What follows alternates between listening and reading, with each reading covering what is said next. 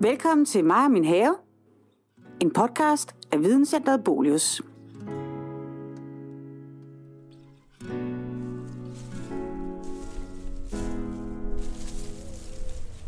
Vi er igen taget ud i den dejlige grønne natur her i Danmark. Denne gang kigger vi på noget af det mest ærke danske, nemlig hækken, mm. og vi kommer også til at snakke om buske. Vi er øh, taget ud, og når jeg siger vi, så er det Malte Abelgaard Christensen. Jeg er journalist, og så er det Bolius' haveekspert Jesper Karl Korfitsen. Og vi står faktisk ved øh, Jesper Karl Korfitsens øh, hus i Sorø, ude foran hans hus, hvor vi kigger på øh, hans hæk. Og Jesper, hvad gør din hæk speciel? Jamen, man kan sige, at min hæk er speciel på den led, at jeg har dels formet den, altså klippet den på en lidt anderledes måde, end de fleste gør. Og så har jeg sådan set også gjort det, som er lidt anderledes, plantet tre typer planter ind som værende hækplanter. Og det vil sige, at i det her tilfælde er det almindelig bøg, som rigtig mange går afsted med nu om dage i forhold til at plante en bøgehæk. Så er der rødbøg. Det er jo stadigvæk bøg, men det er en anden farve lige pludselig, der stikker af. Og så er det taks som en tredje type plante. Og hvorfor egentlig det? Det er ganske enkelt for at få nogle forskellige oplevelser, også på årstiden, i det, når man har en klippet hæk. Og det, der måske er det mest spektakulære ved din hæk, det er, at der rundt omkring er nogle små vinduer, små ja. kighuller ind. Ja, det er der. Og man kan sige, det er i hvert fald et greb, man kan benytte sig af, også hvis man bor lidt mere åbent, altså har landskabet uden for sin have, så er det en måde at lave nogle kig ud i landskabet på, altså at trække nærmest landskabet ind i sin have. Men det er selvfølgelig også en måde, hvorpå i det her tilfælde, hvor jeg bor, og hvor folk har det med at være en lille smule nysgerrige på mit haveliv og gerne vil have del i det, og det gør heller ikke noget, jamen så har jeg lavet vinduer, så de kan få nogle kig ind i min have. Og det med hæk, nu sagde jeg, at det var et, et ærkedansk koncept. Mm. Kan du sætte et par ord på det? Jamen man kan sige, at det er i hvert fald en lang tradition, vi har her i landet, at definere havens ramme som værende en hæk, vi har plantet. Og det, den kan enten være klippet eller uklippet. For de fleste vedkommende, så er det en klippet ligusterhæk. Det er i hvert fald det, vi tidligere tider har gået rigtig meget afsted med. I dag der er øh, bøgehækken, som vi står med os her, jamen, den ligger i skarp konkurrence med ligusterhækken som de værende to mest almindelige typer. Men det er altså det her med at definere hele havens ramme i form af en klippet hæk, hvor vi kender i hvert fald fra udlandet, for eksempel USA og England, jamen der er det tit og ofte hele forhavepartiet, det er langt mere åbent og transparent, hvor man kan se huset ligge meget mere tydeligt og, og åbent disponeret, end vi kender fra den danske villahave. Nu har vi snakket meget om Jespers hæk, og vi kommer også senere hen til at gå ind i Jespers have og snakke buske. Men vi starter med at gå en tur her i, øh, i Jespers nabolag i Sorø og kigge på andre hække, for der findes jo masser af muligheder, der mm. har forskellige øh, fordele og ulemper og forskellige øh, tidspunkter og metoder til at pleje og passe de her hække og, og buske på. Så nu går vi altså stille og roligt, og så kommer vi forbi nogle af de klassiske spørgsmål, mange haveejere har til hæk. Det tænker jeg helt sikkert, vi gør i sådan et typisk villa-kvarter, som det her er.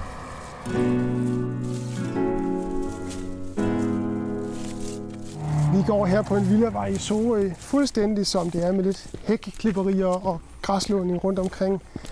Allerede nu, Jesper, der kan vi jo se forskellige typer hække. Ja. Men det, der er fællesbetegnelsen ved alle haver, vi er gået forbi indtil videre, det er, at de mm. har en hæk. Ja. Hvad er det, en hæk kan bidrage med til, til en have? Jamen, det er jo meget tydeligt at se, hvad er det, hækken gør, og hvad er det, hækken definerer, når vi går ned igennem sådan et villakvarter.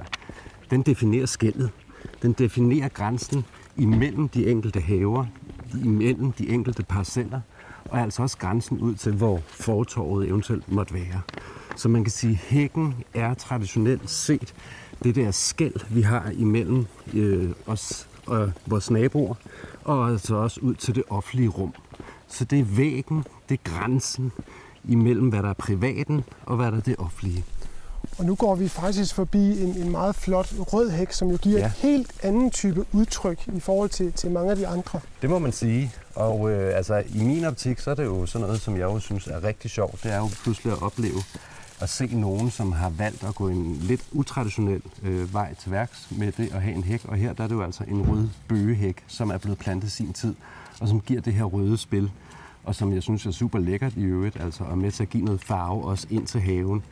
En have kan ved sommertid jo meget nemt bare blive en masse af noget grønt i grønt. Og der er sådan en rød bøgehæk her, jamen den er jo pludselig med til at sætte en helt anden dagsorden. Og det er jo det, for mange haver er det jo en entré ind i forhaven og ind i andres have, ud over en adskiller, yeah. så kan det også være entréen. Hvad, hvad skal man tænke på, når man så øh, enten planter en ny hæk, eller, eller den hæk, man har i forvejen, i forhold til ligesom at tage imod gæster? Man kan sige, i forhold til i hvert fald, hvis man skal plante en ny hæk, i det hele taget også, hvis det er en hæk, som står i skældet imellem to naboparceller, jamen så bliver man nødt til at have en dialog med sin nabo. Fordi vidden er jo et fælleseje, kan man sige. At har du en ligusterhæk imellem dig selv og din nabo, jamen så kan du jo ikke bare hive den op øh, uden egenrådet. Øh, det ser vi dog fra tid til anden, at det sker, men så har du også problemerne med naboen. Altså, man bliver nødt til at have en dialog i fællesskab. Er det nu, vi skal have udskiftet hækken fra en type hæk til noget andet? Eller i det hele taget også klipningen, som vi jo ofte også ser som et problem, at nogen klipper hækken på den ene led på den ene side, og nogen klipper hækken på den anden led. Men i hvert fald, hvis den er en skæld imellem to parceller, jamen så bliver man nødt til at have en dialog øh, med naboen om, hvornår man skal plante noget nyt. Og er det ud til det offentlige rum, jamen så har man selvfølgelig et mere frit spil til selv at vælge, hvornår man går afsted og vælger at plante noget ny hæk. Men man skal i hvert fald være bevidst om, at der skal være noget areal, som, som giver noget buffer ud til selve det offentlige areal. Man kan ikke noget med, at man planter sådan en helt klods op af det offentlige areal. Man bliver nødt til lige at trække en lille afstand, så der egentlig reelt set er plads til hækken. Ja, og det er jo sådan, at det med at, at plante en hæk, der er jo en form for regel for, at den, at den må, må have en cirka højde på, på 1,80. Mm-hmm. og hvis man har 1,80, så er der rigtig få mennesker, der kan kigge over. Ja. Og det er der mange, der godt kan lide, for det giver en anden form for privatliv. Ja, men omvendt kan man sige, det kan næsten også give noget, det er i hvert fald den følelse, jeg selv har, noget utryghed i, at der er måske nu om dagen, hvor vi også taler meget om indbrud og så videre, det her med, at der er lukket helt af ind til privaten, gør også, at der måske er i virkeligheden lidt mere frit spil i forhold til indbrudstyve og så videre, til at kunne agere inde bag den her hæk. Helt ugeneret, helt uden af, at der er nogen naboer, der overhovedet vil bemærke, at der overhovedet sker noget. Så der skal man altså også afveje, hvor, hvor isoleret har man lyst til at bo inde bagved. Øh, nu står vi faktisk helt utraditionelt op af et øh, parcelhus, hvor der er langt mere åbent ind til forhaven. Er meget uddansk i virkeligheden, og langt mere amerikansk i hvert fald, i den måde, de vælger at have det på, hvor det er buske, der er sat enkeltvis, og som er formklippet. Nogle er klippet, nogle er ikke klippet. Og i alt det, så bliver det et helt andet, mere åbent udtryk, hvor man får lov til at kigge ind i haven og hvor der er knap så meget privathed, og hvor jeg vil gætte på, at den privathed, der er, den ligger om på den anden side af huset, altså på den side af huset, hvor vi ikke kan se. Og det er så formentlig også der, hvor man har terrassen og så videre. Men her der er man altså valgt helt at undvære at have den traditionelle hæk til forsiden.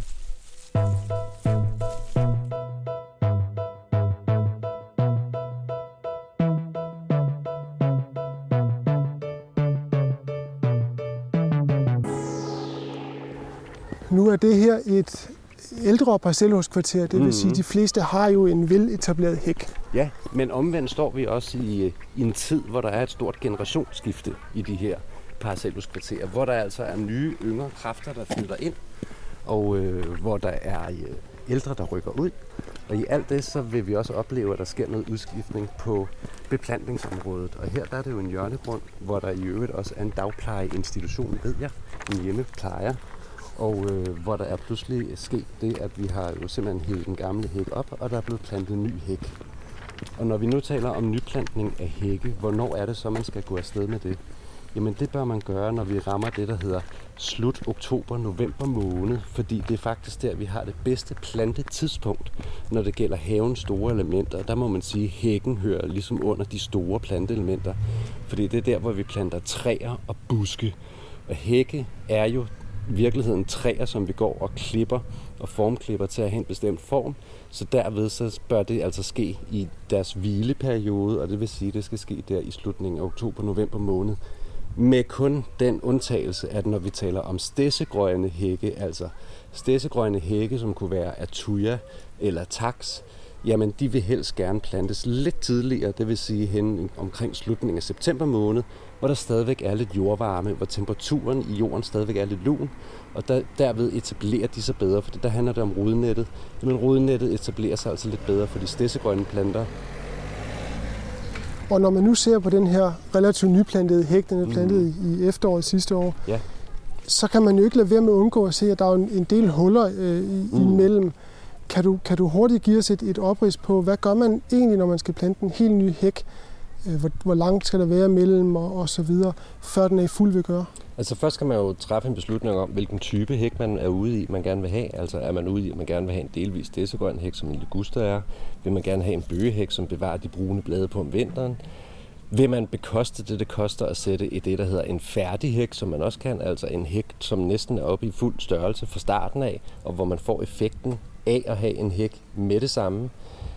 Uanset hvad, så skal man jo plante den på den rigtige led. Og der handler det altså om, at man dels får renset den jord, som man skal plante i for større ukrudt, øh, og i alt det får man gravet en rande, altså en planterande, der er fornuftig og stor nok til, at man kan få de enkelte planter ned og stå i randen, og ikke skal bukke deres rødder rundt, for at de overhovedet har plads til dem. Der skal være plads til rødderne, og i alt det må man godt sørge for, at der kommer lidt kompost med ned imellem, fordi hvis det er sådan en lidt rå, stiv, nøgen, gold jord, jamen så er der ikke ret meget mikroliv i den der jord, og det skal der være. Altså der skal være et helst, et, i hvert fald det øvre jordlag må der gerne være højt øh, rigt indhold af det, der hedder humus, fordi så er der også organisk materiale, og dermed et mikroliv.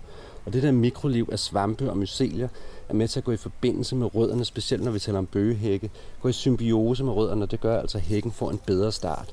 Og når jeg så taler om antallet af hækplanter per kvadratmeter, så er vi altså ude i det, der hedder 4-5 planter per længde meter derhen af, som skal sættes, og så kan man vælge at sætte den på en række. Man kan også vælge at sætte dem en lille smule forskudt, altså i det, der hedder et forband, og det gør altså også, at man får en hæk, der er lidt tættere end ellers. Og så når man er ude at vælge sin hækplanter, så er det faktisk rigtig vigtigt, specielt når vi taler om sådan noget som liguster og bøg, jamen at der er grene så langt til jorden som overhovedet muligt, fordi hvis der er for højt op, jamen så ender du også med, at du får en hæk, som ligesom står på stylter. Så det er ret væsentligt, at man har nogle grene, der går helt til jorden, sådan, så du også får en hæk, der er tæt helt til jorden. For ellers så ender man faktisk i den suppedag, som måske nogle gange er grunden til, at man i det første overhovedet nedlagde den gamle hæk, at man synes, den var blevet åben i bunden. Og det er der jo ingen grund til ligesom at starte ud med, når vi skal plante en ny hæk. Men altså plantetidspunktet er alfa og omega, og det skal altså være i der, når vi når hen i omkring oktober-november måned. Og det kan man fortsætte med hele vejen igennem november måned, selvom man synes, det er blevet ved at blive køligt osv. Jamen, så er det et godt tidspunkt at få plantet dem på. Og ellers skal vi over på den side af jul, der hedder i slutningen januar og februar måned. Øh, I hvert fald inden vi rammer det sådan alt for tidlige forår, der skal man også have sat de her ting igen. Man har ligesom to plantetidspunkter, men det bedste er altså i efterårs og i det sene efterår. Når man så har plantet sådan en hæk, så vil man jo mm. gerne have, at den ligesom kommer op og ser flot ud og bidrager øh, ja. til haven og, og til udtrykket. Hvor lang tid går mm. der fra man planter til, til den ser rigtig godt ud? Jamen altså man kan sige sådan en hæk, hvor, hvor startplanterne de er omkring de der 75-100 øh, i højde. Jamen der går sådan traditionelt set en, en 3-4 år, før man begynder at have noget fornuftig højde på, og før det begynder at få noget tæthed. Men det kræver også noget vedligehold. Altså det kræver, at man får holdt fri nede omkring planterne for ukrudt. Det handler om, at i alle tørre perioder og i den der opstartsfase, at de ikke tørrer ud. Det vil sige, at man får vandet. Og det er rigtig vigtigt med den der vanding, for ellers så, specielt med de sommer, som vi begynder at have oftere og oftere, hvor det kan være tørt i lange perioder, at man sørger for, og specielt allerede helt, når vi er i maj måned, hvor det også kan være tørt, og endda i april måned, hvor det også kan være tørt, der er det vigtigt, at man får sat ind med vanding, fordi det er i de der første måneder, hvor, hvor den skal sætte de første nye skud, at det er vigtigt, at den kommer godt fra start. Så det er vigtigt, at man får vandet de første år. Det er ikke kun det første år, det er også det andet år, og så kan man langsomt begynde at fase ud, når vi når det tredje år, og begynde at se, når hækken begynder at være i vækst. Vil du have flere tips om haven, så skriv dig op til vores havenødsbrev og modtag gode råd hver anden uge. Du kan skrive dig op på bolius.dk-havenødsbrev. Jesper, prøv lige, hvad, hvad er det, vi ser foran os? Jamen, vi ser dels noget spirære, vi ser dels noget forsyse og så videre, og det handler simpelthen om, at man sætter, i stedet for at have den klippede hæk, så ønsker man måske at have et lidt nemmere haveliv, kan man sige. Og det kan man altså ved at plante det, der hedder en uklippet hæk. Den kræver lidt mere plads i bredden, altså også ind efter i sin have, så man skal afsætte lidt mere plads, fordi det er jo klart, når man ikke klipper sine hækplanter, jamen så fylder de lidt mere, fordi det er jo så er busk i det her tilfælde også så skal de have noget mere fylde, og dermed skal de også have noget mere plads at vokse på. Men i alt det, så opnår man måske også det, at man får noget mere blomstring, man får noget forskellige farveskifter hen, at man får altså i alt det en måske lidt mere levende hæk ud af det, øh, og som er mindre plejekrævende, end den klippede hæk er. Så er man en haveejer, som ønsker ikke at skal ud med hæksaksen og klippe en til to gange, og allerhelst to gange på et år, på en sæson, jamen så kunne det være, at det var den uklippede øh, hæk, som var vejen frem. Og det kan måske i virkeligheden også i den her klimatid, vi er i, fordi at vi i hvert fald ser i de meget tørre perioder, så selv de gamle, veletablerede hække begynder altså at døje noget med de her meget lange, tørre perioder, vi kan have fra tid til anden, hvor der går store partier ud, og hvor man skal ud og efterplante med nye planter ind i en gammel hæk, hvilket er ret svært. Jamen der kunne det måske i virkeligheden være, at det er måske noget af den fremtid, vi skal gå i møde. Det er, at de hække, vi har omkring vores haver, de er måske ikke, som vi kender dem i dag. Det kan være, at vi skal til at kigge på en helt anden løsning, og det kunne måske være noget af det, der hedder den uklippede hæk. Altså hvor vi bruger nogle buske i stedet for, som måske endda er mere tørketolerante. Og så snakker vi om tørketolerance, og vi snakker om måske lidt mindre vedligeholdelse. Det lyder mm-hmm. rigtig dejligt, tror jeg, for mange haveejere. Kan man, som man har lyst til, bare blande hække og buske i, i sådan, for at danne sådan en uklippet hæk?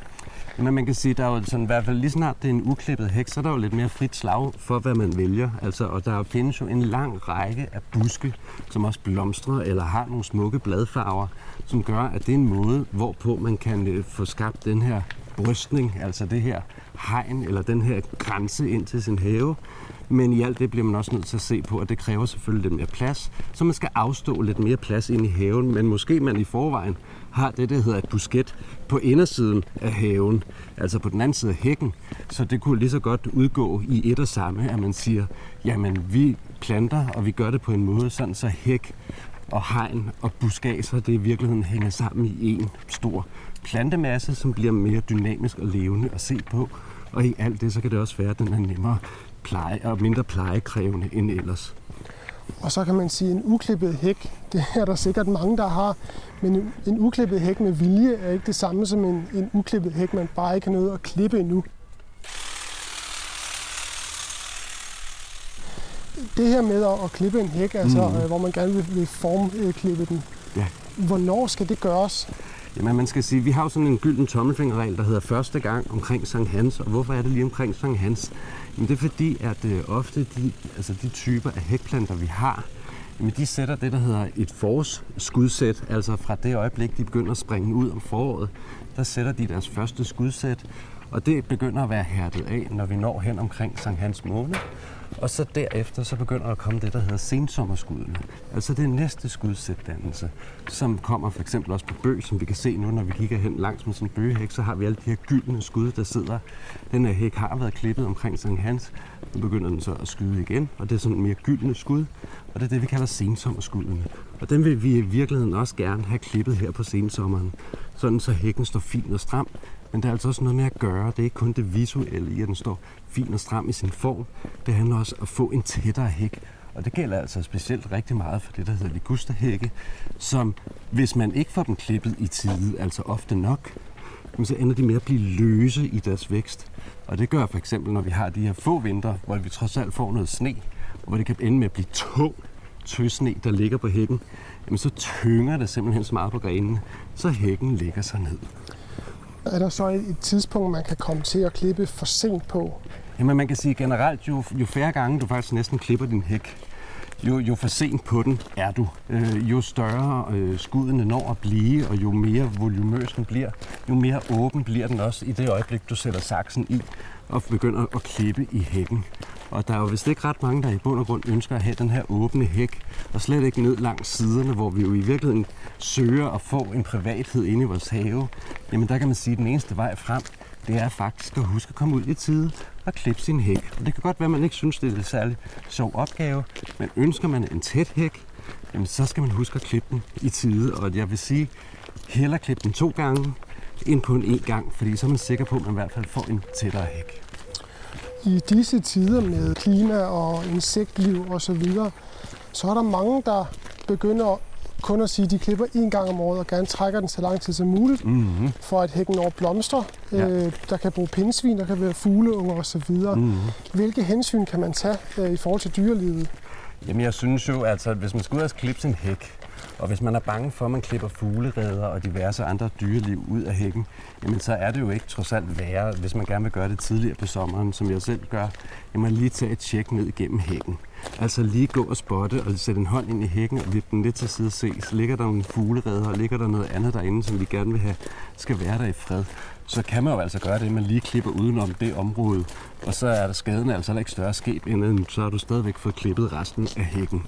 Altså hensynet til hækken i forhold til, at man ønsker en tæt hæk, i forhold til dyrelivet, de to ting mener jeg godt kan gå hånd i hanke, uden at det på et kompromis af, at hækken ender med at være en løs færre, som ikke opnår det formål, som den egentlig først er tiltænkt.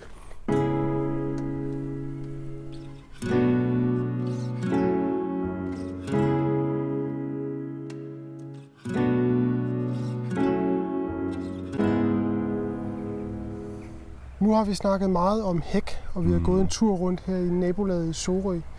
Vi havde også lovet at snakke om buske. Ja. Og ikke, at der er mange forskelle, men der er jo lige lidt. Der er lidt, ja. Vi kom ind i Jespers have. Der er rigtig mange forskellige typer buske her. Mm. Kan du fortælle lidt om, hvad er fordelene ved at have de her forskellige typer buske? Man kan sige, at buskene, for mig i hvert fald, når vi også skal adskille det, hvad er forskellen på det at have buske og have en hæk. Jamen, buskene repræsenterer måske det næste lag, også i højdemæssigt i haven, fordi buske kan gå fra det, der hedder små buske, altså lave små buske, som måske er kun en 50 cm høje, til det, der næsten hedder mindre træer. Og mindre træer, det er måske op til det, der hedder 3 meter, og små 4 meter. Der er vi stadigvæk oppe i det, der hedder små træer, store buske. Og der er vi jo så faktisk oppe i et lag, der er højere end det, vi normalt definerer hækken som værende. Det er i hvert fald de færreste, der har en hæk, som er oppe i en 3 meter. Så begynder det at være noget problematisk, og ikke så nemt at få den klippet i hvert fald. Det ser vi ofte i udlandet i øvrigt ellers, at man godt kan have så høje hække. Men det buskene kan, det så bidrage netop med det næste lag. De kan begynde at give noget mere skygge til haven. Det er ret væsentligt på de årstider, vi begynder at have nu, hvor vi begynder at have meget mere solskinstimer, og hvor vi har masser og meget mere vind, der kommer væltende ind i vores haver, end vi måske tidligere har været vant til. Så det er det næste lag, og hvis vi prøver at sammenligne det lidt, jeg prøver altid at sammenligne det her med buske og træer, øh, og de lavere vækster i vores have med en skov. Altså vi har skoven, vi har skovbrynet, og ude i skovbrynet, der har vi de laveste vækster, så har vi buskene, der ligesom står og danner den første facade ind til selve skoven. Så kommer de store buske til mindre træer, og så kommer de store træer.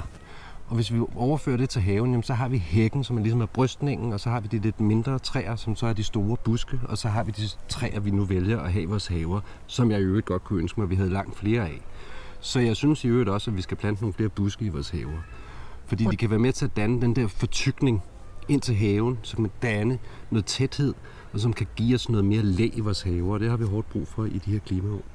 Og vi står altså her i din have, og der er altså mange forskellige typer buske. Mm. Vi står i en lille rund øh, cirkel af græs. Mm. Rundt omkring os er der buske, Ja. øh, stort set hele vejen rundt af forskellige art. Mm.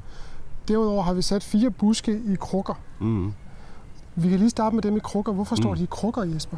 Jamen det er egentlig lige så meget også for at fortælle, at øh, bare fordi man har en lille have, bare fordi man kun har en terrasse måske, eller en altan, så kan man altså sagtens have buske. Man kan sagtens have buske, som ikke nødvendigvis bliver så store. Og skulle de gå hen ad vej og blive til store ting, jamen så kan man altså flytte dem fra krukken ud i have, haven og få dem plantet ud der. Hvis man kun har en altan, jamen, så må man måske forære dem væk, og så starter man på noget nyt igen. Men man kan måske også trimme dem, altså klippe dem lidt, og på den måde holde dem, øh, til at man kan have dem i mange år i den her krukke. Så det er også lige så meget for at sige, at man kan altså sagtens have buske og sågar endda træer i krukker. Øh, det har jeg nede ved hoveddøren. Der har jeg næsten altid en større busk eller et mindre træ stående i krukke, fordi det er med til at give noget god plantefylde omkring en hoveddør og skabe noget liv.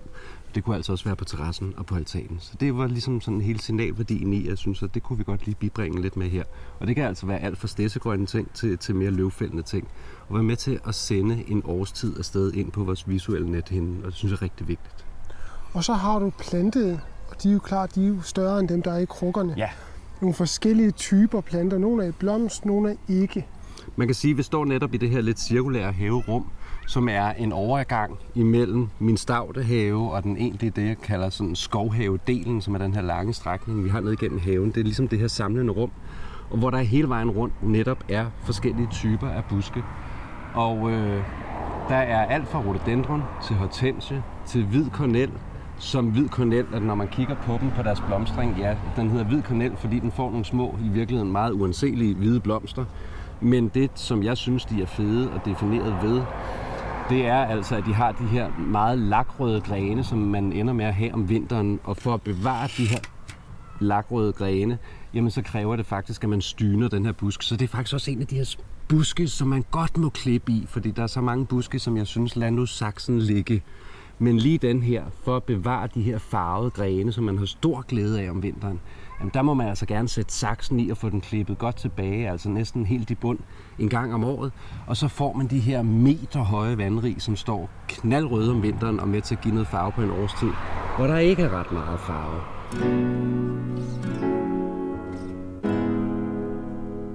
Så har vi øh, den kendte øh, laverbærkirsebær, som står der, som er stedsegrøn med sine store, lakgrønne grene, og den kan blive abnormt stor, så her der går jeg sådan i, den bliver faktisk næsten formklippet, men den bliver ikke formklippet med den traditionelle hækkesaks. Jeg går simpelthen faktisk med en lille rosensaks og klipper lidt tilbage ind på, på selve grenene en gang om året, for ikke at ødelægge bladene, og på den måde så får jeg stadigvæk en lidt rundlig form på den, og det er med til at give noget formgivning i det her ellers lidt vilde buskhjørne.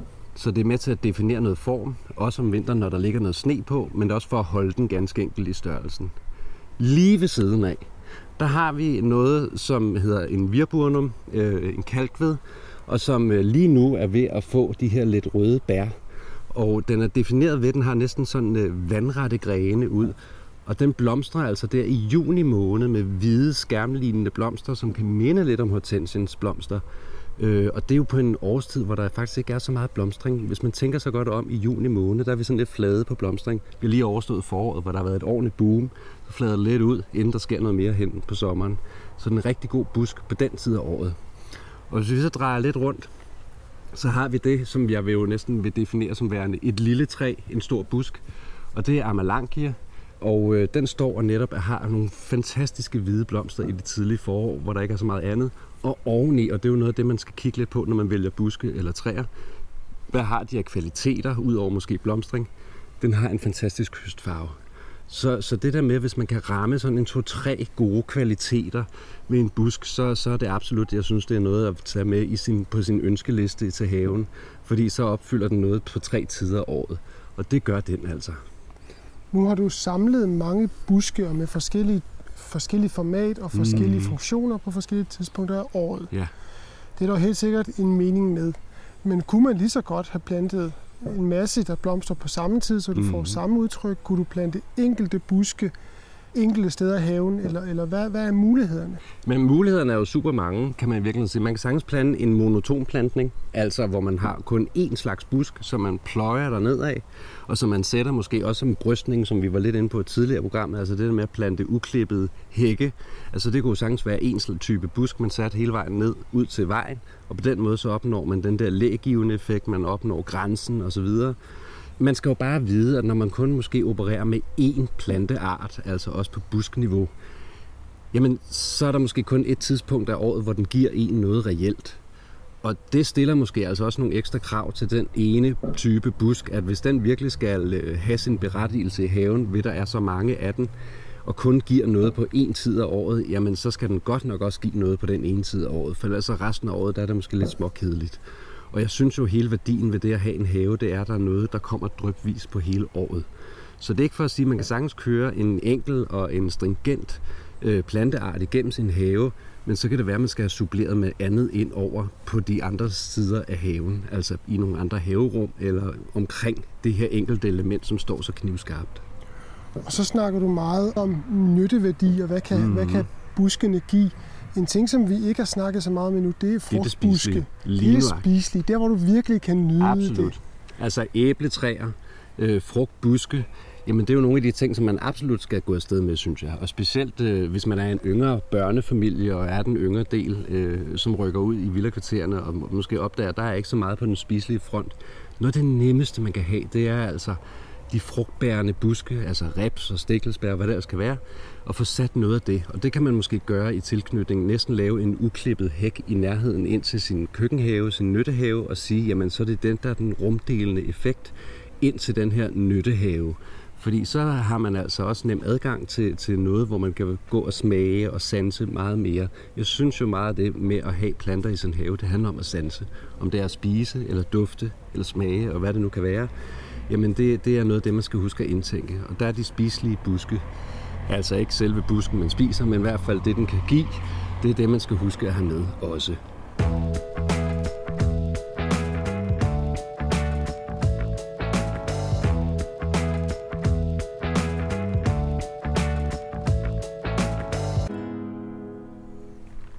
Så har vi sat os ned på en dejlig lille havebænk her i mm. den her mhm. cirkulære lille krans, du har, hvor vi kan se alle de forskellige buske. Mm, Vi har været rundt og gå i nabolaget i Sorø, det har vi. kigget på forskellige typer hække, Mm, givet tips til, hvordan du kan plante en ny hæk, yes. vedligeholde.